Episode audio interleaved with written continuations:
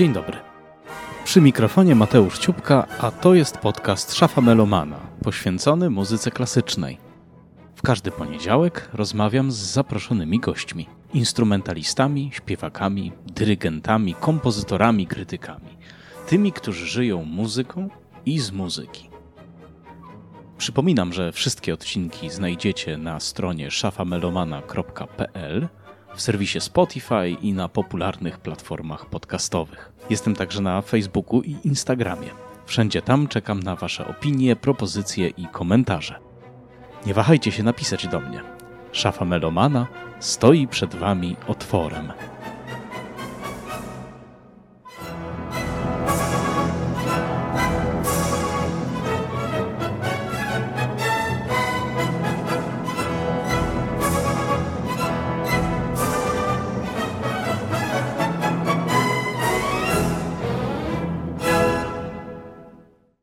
Moim gościem jest dzisiaj Janusz Siadlak, dyrygent, chórmistrz, założyciel i szef Kolegium Cantorum, chóru istniejącego od 1987 roku. A zbiorowym bohaterem naszej rozmowy będzie dzisiaj chór oraz muzyka pisana na chór. Witam wszystkich bardzo serdecznie, bardzo gorąco.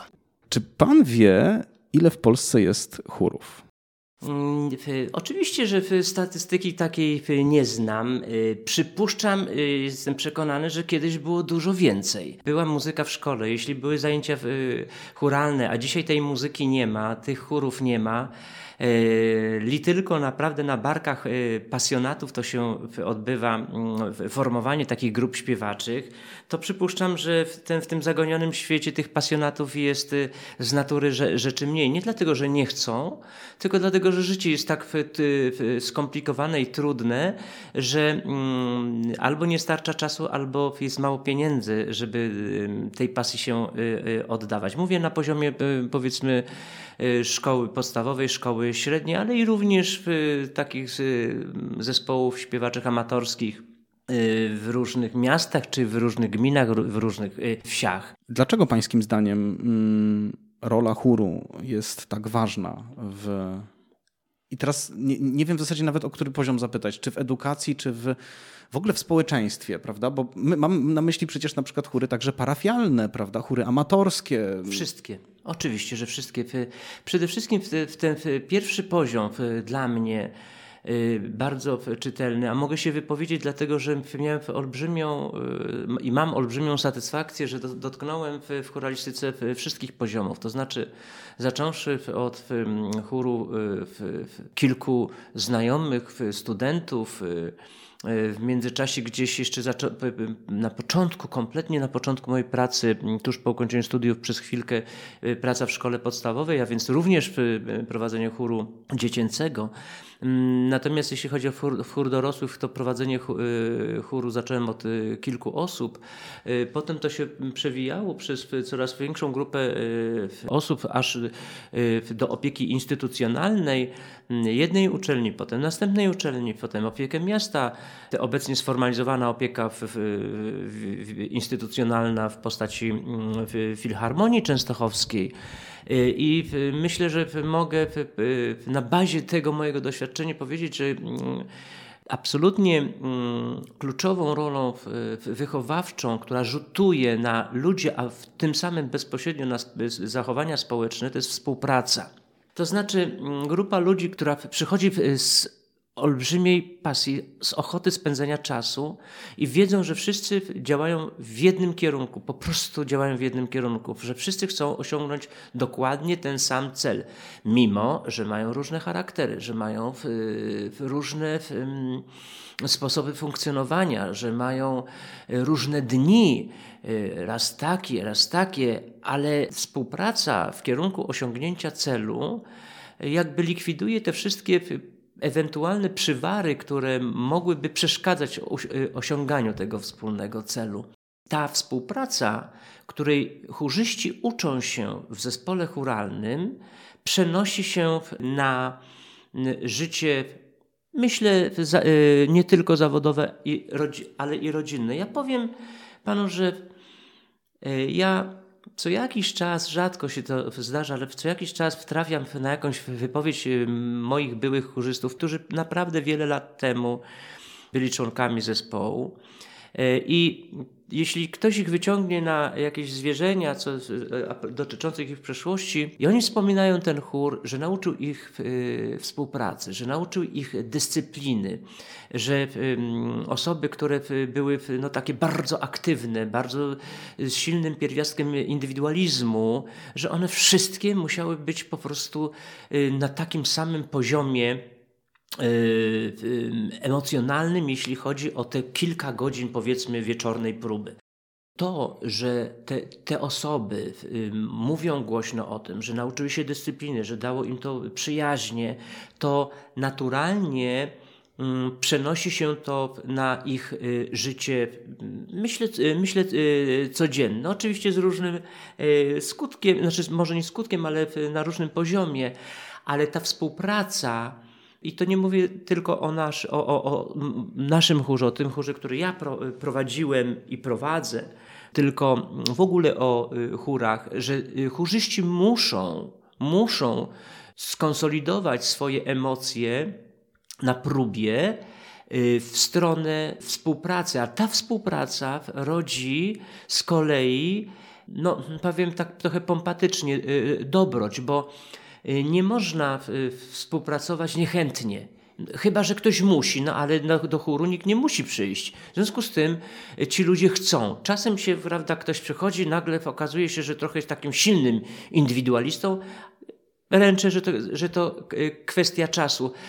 Oczywiście olbrzymią rolą jest rola dyrygenta prowadzącego, który musi umiejętnie sterować tymi zachowaniami, bo to nie chodzi o to, żeby wprowadzić taką olbrzymią dyscyplinę, która y, pozwoli na mm, to, żeby dyrygent robił to, co chce. Ja myślę, że umiejętne pokierowanie zespołem polega na tym, że dyrygent y, daje impuls, że daje drogowskaz, kierunek do, do działania. Ja muszę powiedzieć, że ta moja metoda od ponad 30 lat się sprawdza. Wrócimy jeszcze do tematu, do tematu dyrygenta i do tematu tego, e, a chcę, chciałbym jeszcze na sekundę się zatrzymać przy tym wątku, o którym Pan mówi, czyli o współpracy. W zasadzie można, można byłoby powiedzieć, że w orkiestrze, w kwartecie, w kwintecie, nie wiem, w każdej formacji muzycznej, która zakłada coś więcej niż bycie solistą, ta współpraca jest istotna, ale mam wrażenie, że w przeciwieństwie do tych pozostałych e, właśnie rodzajów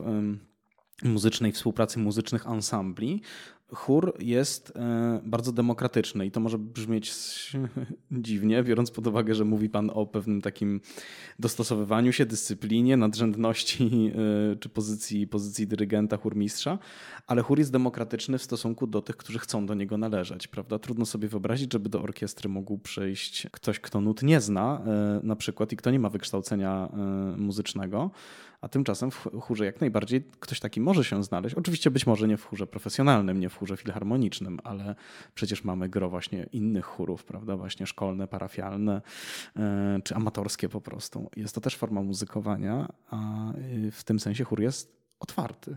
Ale tak, oczywiście, że tak. Mm, ja myślę, że też to, że każdy może przyjść ma te, stanowi taką swoistą siłę właśnie zespołów churalnych. To po pierwsze. Po drugie, y, y, pozwala również zaistnieć oso y, osobom, które nie mają wykształcenia muzycznego zaistnieć na scenie, co implikuje z kolei jest konsekwencją pewną w późniejsze ich kształcenie. Ja sam mam takie przypadki w zespole, w swojej pracy, że do zespołu przychodzi do pracy, do, do, do studiować uczelnię techniczną, no ale mój chór akurat był wówczas na Politechnice Częstochowskiej i dzisiaj Piotr Lempa, bo o nim mówię, to taki, taki naj, najbardziej czytelny przykład, jest, jest na scenach operowych nie tylko Polski, ale oczywiście i Europy, więc to chodzi o to, że ta demokracja rzeczywiście, rzeczywiście Y, tutaj sprzyja. Mm, Bo warto jeszcze w zasadzie dodać jedno, że, że y, głos można kształcić bardzo późno, prawda? Jeżeli się zacznie y, naukę gry na fortepianie czy na skrzypcach w wieku lat 18, to pewnie można ją do pewnego stopnia opanować, ale kariery się już w tym absolutnie nie zrobi. Oczywiście, tak. No, głos musi mieć swój czas na, na, na rozwój fizyczny, to jest jasne. E, I ja myślę, że wracając do tego pytania, tej, tej demokracji, że to jest taki e, olbrzymi atut właśnie zespołów churalnych, y, że y, można, y, można należeć po prostu z marszu. Oczywiście, że, to, że są zespoły, do których trzeba przejść przesłuchania, również studenckie, czy inne są w, w zespoły dziecięce, które mm, mają bardzo poważną dyscyplinę i, i też się trudno do nich dostać. Natomiast churalistyka ma ten taki taki magnes e, przyciągający, że, że rzeczywiście każdy może po prostu do chóru przyjść e, i bardzo dobrze, że takie coś istnieje w świecie od lat. Oczywiście od, od wieków można powiedzieć, że, że te zespoły, zespoły śpiewacze są otwarte dla wszystkich. Jest, no i każdy ma instrument. I każdy ma instrument, który powinien trafić na dobrego pedagoga, bo wtedy tych chórów będzie dobrych więcej. Yy, z tym też bywa różnie, mm, ale no oczywiście możliwości kształcenia się, czy samokształcenia dyrygentów, chórmistrzów dzisiaj są yy, bardzo, bardzo obszerne. Wspomniałem tą kwestię, bo też i zdarza się, no mam nadzieję, że nie, nie, nie często, że, że, że dziecko trafia na nauczyciela, ale to nie dotyczy muzyki chórmistrza, tylko w ogóle, że akurat zniechęca bardziej niż zachęca. Ale myślę, że takie przypadki są chyba w zdecydowanej mniejszości. No, y, mówiliśmy o tym instrumencie. Głos jest jedną z naszych najbardziej indywidualnych właściwości. Po głosie jesteśmy w stanie poznać e, kogoś, kogo nie widzimy. Y, głos y, jest podobnie jak i rysy twarzy właśnie tym, co nas wyróżnia. Jak teraz tak indywidualnego instrumentu stworzyć jakąś spójną całość, bo przecież chóry mają swoje tożsamości, prawda? Każdy chór jest trochę inny. No tutaj dotykamy w takiej materii, mm, która w, w, w, zasadzie koncentruje się na, na właśnie wiedzy dyrygenta, na wiedzy chórmistrza. E, ja powiem szczerze, że ja prowadzę zespół zawodowy. Y, mm, ludzie no tak bardzo oględnie można powiedzieć, umieją śpiewać, potrafią. Natomiast ja y, konsoliduję ten głos, y, te głosy wszystkie mm, praktycznie codziennie.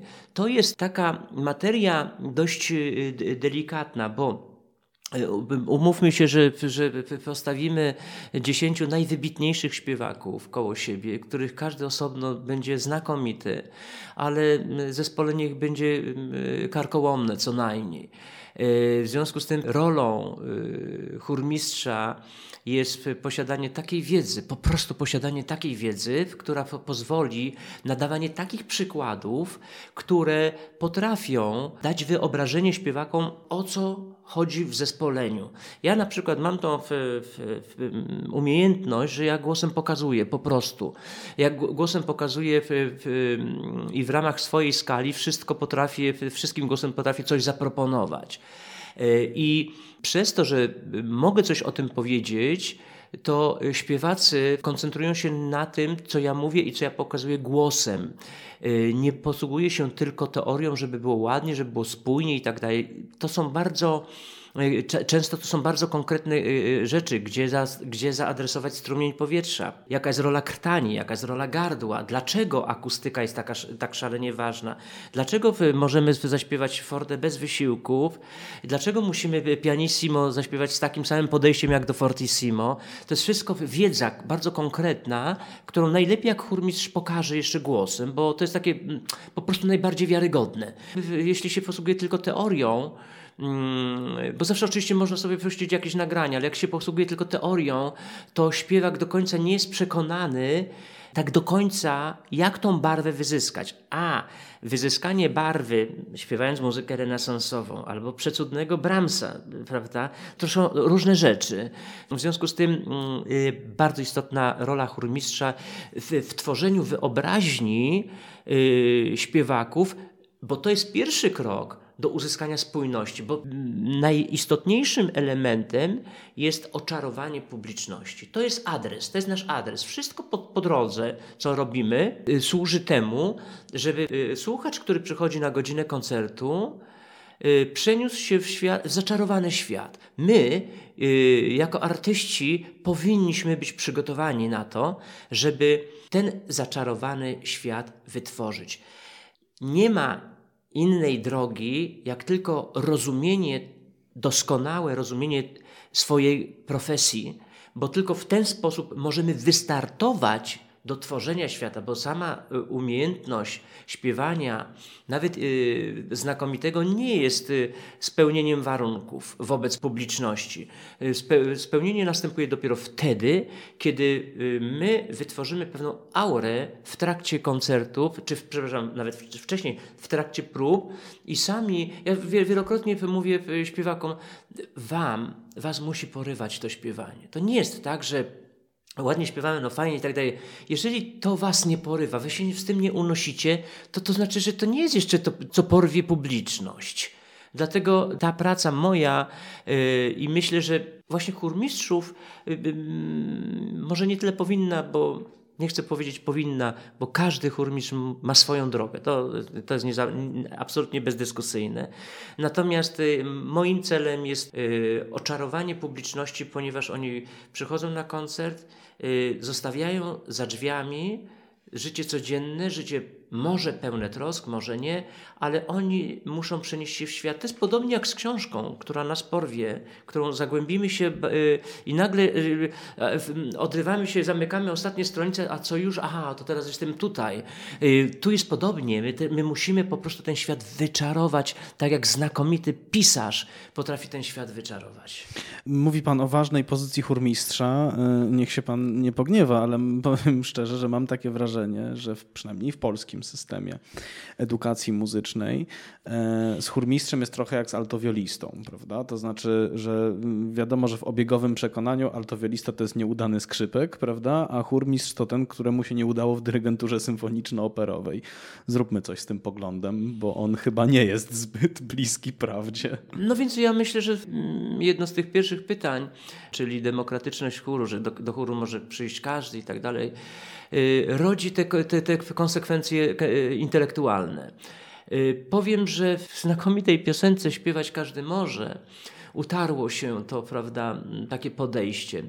Może właśnie przez to, że każdy głos, każdy człowiek ten głos ma i go może wydać i może zaśpiewać lepiej czy gorzej, to wielu się wydaje, że to jest po prostu proste i łatwe. A jeszcze jeżeli ktoś potrafi zaśpiewać czysto, no to już w ogóle prawda, jest y, kimś, kto y, nadaje się do wszystkiego. Otóż nie.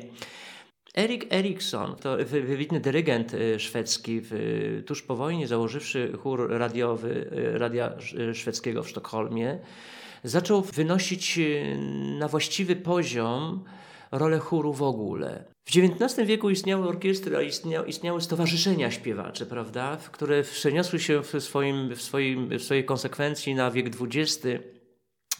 Natomiast e- Erik Erikson zmienił to trochę podejście, próbował zmienić i zmienił, natomiast ta zmiana oczywiście nie, nie, nie nastąpiła, bo nie mogła nastąpić w sposób gruntowny. Orkiestry jednak y, mają instytucjonalne umocowanie dużo większym takim horyzoncie czasowym. W związku z tym y, wystarczy powiedzieć, że jest instytucjonalnie y, ktoś oparty i to już jest prawda, zespół zawodowy i tak, i tak dalej. Powiem nie wiem, czy to się wszystkim podoba, ale w, w, chórze jest trudniej niż w orkiestrze. Dlatego, że orkiestra ma nuty do zagrania, a my mamy nuty do zaśpiewania i tekst. Konsolidacja tego wszystkiego jest rzeczą bardzo, bardzo trudną. Jeśli to porównamy do, y, to z tym, co powiedziałem przed paroma minutami, że musimy pracować nad y, zespoleniem własnych instrumentów, to jest to daleko trudniejsze niż zespolenie instrumentów, które mamy dostępne w orkiestrze. Każdy człowiek inaczej oddycha, każdy człowiek ma inną nieco barwę. Uzyskanie nadzwyczajnej stopliwości głosów jest rzeczą karkołomną, jest rzeczą y, niewyobrażalnie trudną. Y, gdyby wszyscy potrafili to słyszeć, mówię o tak, o przekroju społecznym, to wtedy by sobie zdali sprawę, jak bardzo to jest trudne. No i może jeszcze uświadomimy sobie jedną rzecz, że y, w przypadku koncertów, do, na które idziemy do Filharmonii, gdzie widzimy ten pełny skład, czyli widzimy 70-osobową orkiestrę na przykład, 70-osobową orkiestrę, za nią na praktykablach stojący na przykład tam 50-osobowy chór, to dyrygent, który prowadzi całe wykonanie, to nie jest jednocześnie człowiek, który ten chór przygotował. Z chórem pracuje chórmistrz, prawda? I Filharmonia takiego kogoś zatrudnia, prawda? Na przykład. To samo jest w operze. W operze też jest specjalista od przygotowania chóru, a rolą wtedy dyrygenta, który e, prowadzi całe wykonanie całego dzieła, jest uspójnić te dwa światy, prawda? Ale on nie wykonuje z chórem pracy od podstaw. Ale oczywiście, że tak. Oczywiście rolą chórmistrza właśnie jest podanie y, aparatów gotowego do współpracy z orkiestrą. Tak samo jak i orkiestra musi być gotowa do współpracy z chórem. Ja myślę, że przytłaczająca większość rzeczy, które są napisane na orkiestrę i chór, są napisane z myślą o współpracy tych dwóch y, y, aparatów. Y, I tutaj nie służy nikt nikomu. Może być dzieło, w którym rola chóru jest pierwszoplanowa, albo pierwszoplanową może być rola orkiestry. Natomiast każdy kompozytor na kartkach papieru rozpisuje rolę. Tak samo jak zespół orkiestrowy mm, ma swoją rolę, tak samo ma y, swoją rolę chór, ale odrębnie oni nic nie znaczą w tym dziele wokalno-instrumentalnym. W związku z tym, mm, oczywiście, że rolą chórmistrza jest takie przygotowanie y, zespołu, które będzie współpracowało z orkiestrą, ale tak jak mówię, to są role równorzędne. Bezwzględnie to są absolutnie role równorzędne w takim znaczeniu, jak, w jakim pomyślał o równorzędności kompozytor. Y, dlatego oczywistym jest, że, że, że rolą chórmistrza jest takie przygotowanie zespołu w oparciu o wcześniej poznaną partyturę, która, y, która y, poda prowadzącemu już całość dyrygentowi zespół gotowy do wykreowania jakiejś konkretnej wizji artystycznej. No właśnie, a jeszcze dodatkowo warto sobie uświadomić, że chór, podobnie jak i orkiestra, ma literaturę muzyczną pisaną tylko dla siebie i wtedy przed tym chórem stanie właśnie chórmistrz z batutą i poprowadzi wykonanie. Mam jednak wrażenie, że tej literatury jest mniej i jest rzadziej pokazywane. Proszę mnie poprawić, jeśli się mylę. Właśnie, tak, tak. Mamy tutaj olbrzymią satysfakcję, że w Częstochowie istnieje chór filharmonii profesjonalny, który daje y, naprawdę ogrom koncertów a cappella z różną muzyką. Oczywiście, jak i również muzykę wokalno-instrumentalną, oratoryjną i, i, i tym podobną. Dlaczego Pana zdaniem tak jest? Dlaczego, dlaczego churalistyki jest mniej w repertuarach filharmonii? Ale myślę, że. Wy macie czwartkowe wieczory z chórem, prawda? Tak, Ale ja tak. mam wrażenie, że w wielu filharmoniach w Polsce nie ma takich, e, przynajmniej kiedy przeglądam repertuary, takich specjalnych, nazwijmy to, eventów chórowych, prawda? Chór występuje wraz z orkiestrą. Nieczęsto się słyszy rzeczy na chór solo. Nieczęsto się słyszy, to prawda. Y, dwa aspekty. Po pierwsze, gdybyśmy porównali liczbę y, zawodowych orkiestr, które istnieją w Polsce i porównali to z, z y, liczbą istniejących w filharmoniach chórów zawodowych, no to samo przez się już wychodzi wynik, prawda? Dlaczego szefowie instytucji w Polsce nie proponują programów churalnych? To trzeba byłoby to pytanie skierować bezpośrednio już do szefów instytucji. Ja nie wiem. Myślę, że jest to niezwykle e, atrakcyjna e, forma prezentowania koncertów, właśnie między innymi dlatego, że publiczność, która przychodzi, może zobaczyć zespół, który śpiewa tym instrumentem, który mają oni, czyli słuchacze. Wszyscy mamy ten instrument. Proszę zobaczyć, co z tym instrumentem można zrobić. Y, to jest pierwszy powód, dla którego bym promował właśnie takie y, koncerty.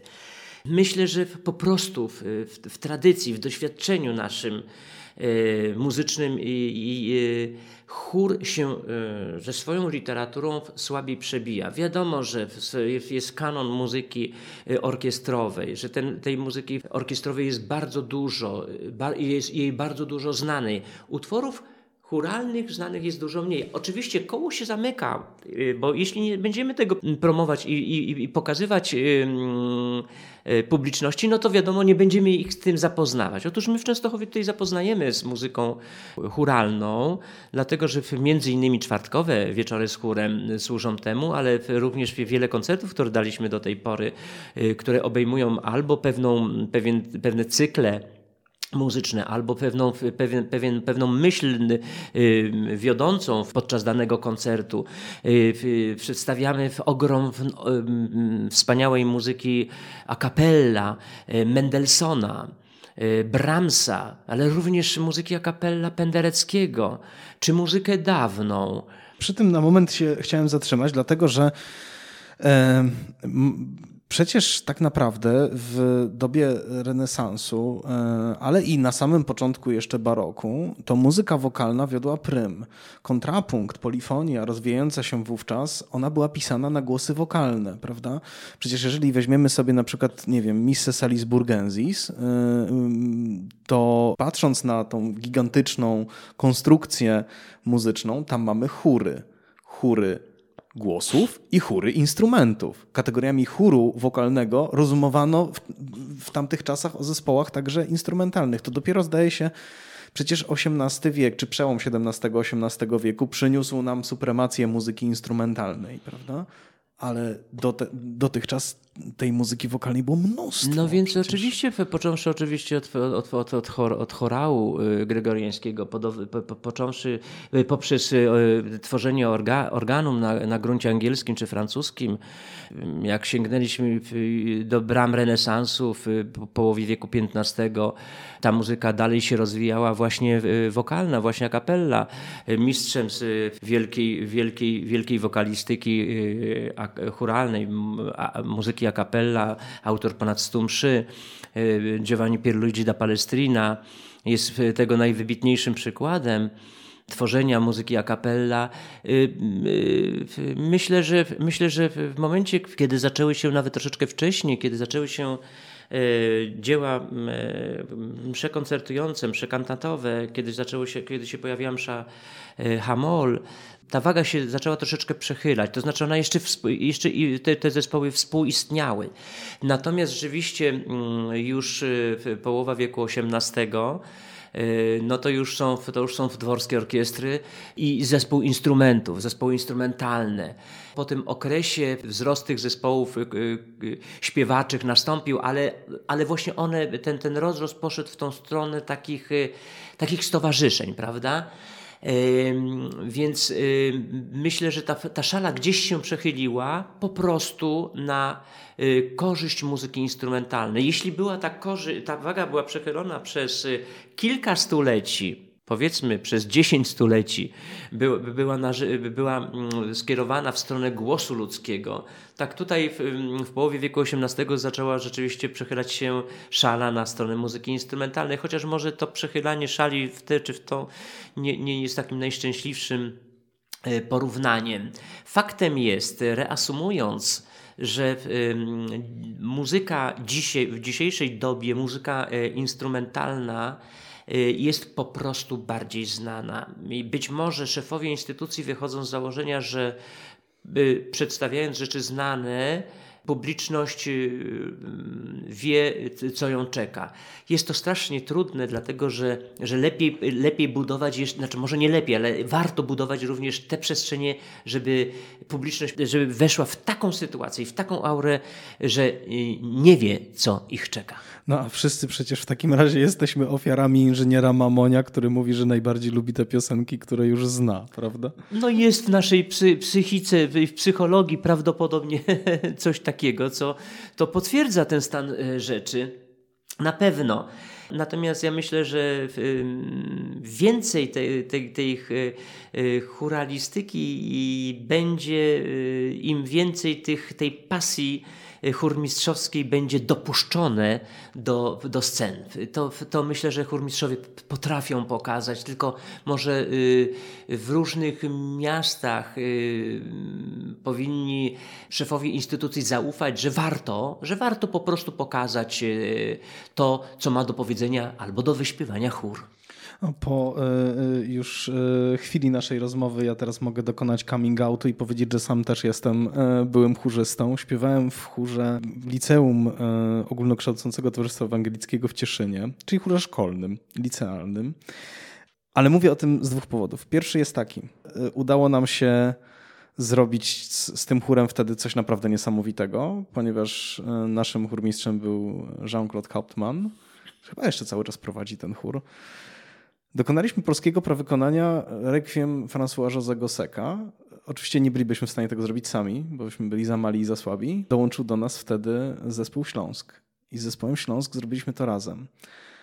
Co dowodzi, że nawet amatorski szkolny chór może zrobić coś fajnego i coś naprawdę artystycznie cennego, bo to było polskie prawykonanie dzieła, które zostało zaprezentowane w 1764 roku. Mówię jeszcze o tym z drugiego powodu, ponieważ w miastach takich jak Cieszyn, skąd pochodzę, nie ma filharmonii, a więc nie ma dużego składu orkiestrowego.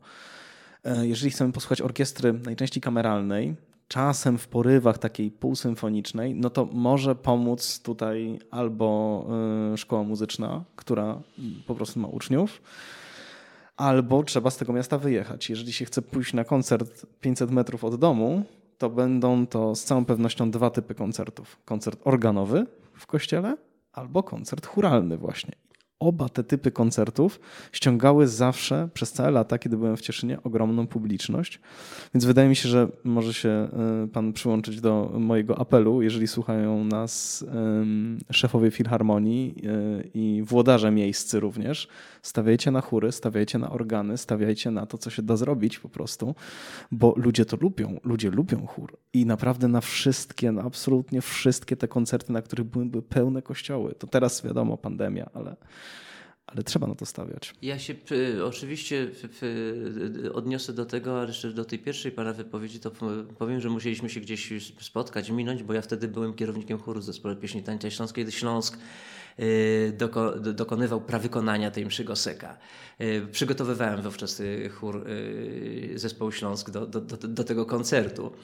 To świetne dzieło swoją drogą, oczywiście, prawda? Oczywiście, że tak, oczywiście, znakomite. Natomiast jeśli chodzi o um, tą drugą pana część wypowiedzi, to połączę z moją poprzednią, e, z moim poprzednim fragmentem. Tak, oczywiście, stawiajcie na chóry, przyciągnijcie e, słuchaczy, pokażcie zaczarowany świat muzyki, tym bardziej, że w literaturze churalnej jest naprawdę ogrom rzeczy niezwykle interesujących. Od muzyki dawnej, przez muzykę wieków y, następnych, XVIII, XX wieku, po muzykę współczesną, która jest też niezwykle interesująca. Pobudzajcie Państwo y, tą strunę, to drżenie, które y, przyciągnie słuchaczy, bo zrobimy to, to przede wszystkim dla siebie również, może nie przede wszystkim, ale zrobimy to również dla siebie, ponieważ y, pobudzony słuchacz, y, który, który przyjdzie na y, koncert churalny, na pewno nie pozostanie obojętny wobec koncertu orkiestrowego czy jakiegoś po prostu kameralnego z jakimkolwiek instrumentem. To jest nasza wszystkich rola, którzy zajmują się tą pracą na poziomie zawodowym. E, orkiestra i chór są tak samo ważne, chór i orkiestra są tak samo ważne, mm, bo jesteśmy ważni dla publiczności. Ktoś wybiera orkiestrę, ktoś wybiera chór, a ktoś idzie po prostu na dobry koncert i przestaje różnicować, czy to jest chór, czy to jest orkiestra. Po prostu się y, przygotowuje, my przygotowujemy odbiorców. To jest bardzo ważne. Robimy to również po to, żeby miał nas kto słuchać, a najlepiej, jak będą nas słuchać coraz bardziej wyrobieni słuchacze. Musimy y, ich uczyć z całą mocą y, naszego, naszej pasji, aby, aby w konsekwencji dla słuchacza przyjście na koncert nie było jakimś wydarzeniem wielkim, tylko po prostu takim oddechem. Idę na koncert, bo warto, nie jako święto. Ja chcę powiedzieć. Y, tak, że... czy to paskudne słowo ukulturalnienie, prawda? Przecież no, kultura więc... jest częścią naszego życia. Ja to powinna być, a nie, ja a nie jakąś dawką odtrutkową, którą sobie zapodajemy raz na pół roku. Ja wielokrotnie wśród moich znajomych y, spotykam się w taką opinią, że no wiesz, ja to się na bardzo na takiej muzyce to nie znam. Jak zapraszam różnych ludzi, którzy nie byli y, nigdy na koncertach. Przed, przed laty tak robiłem, dzięki temu wyrobiliśmy, wyrobiłem sobie takich paru nastu, paru dziesięciu ludzi, znajomych, którzy kiedyś nigdy nie byli na koncercie, a dzisiaj chodzą po prostu na koncerty. Ale mówią tak, no ale to się nie bardzo znam na muzyce. A ja mówię, słuchaj, w ogóle nie ma tak, czegoś takiego, że ty się musisz znać. Ty masz przyjść usiąść w fotelu, posłuchać i powiedzieć, czy ci się to podoba, albo czy ci się nie podoba.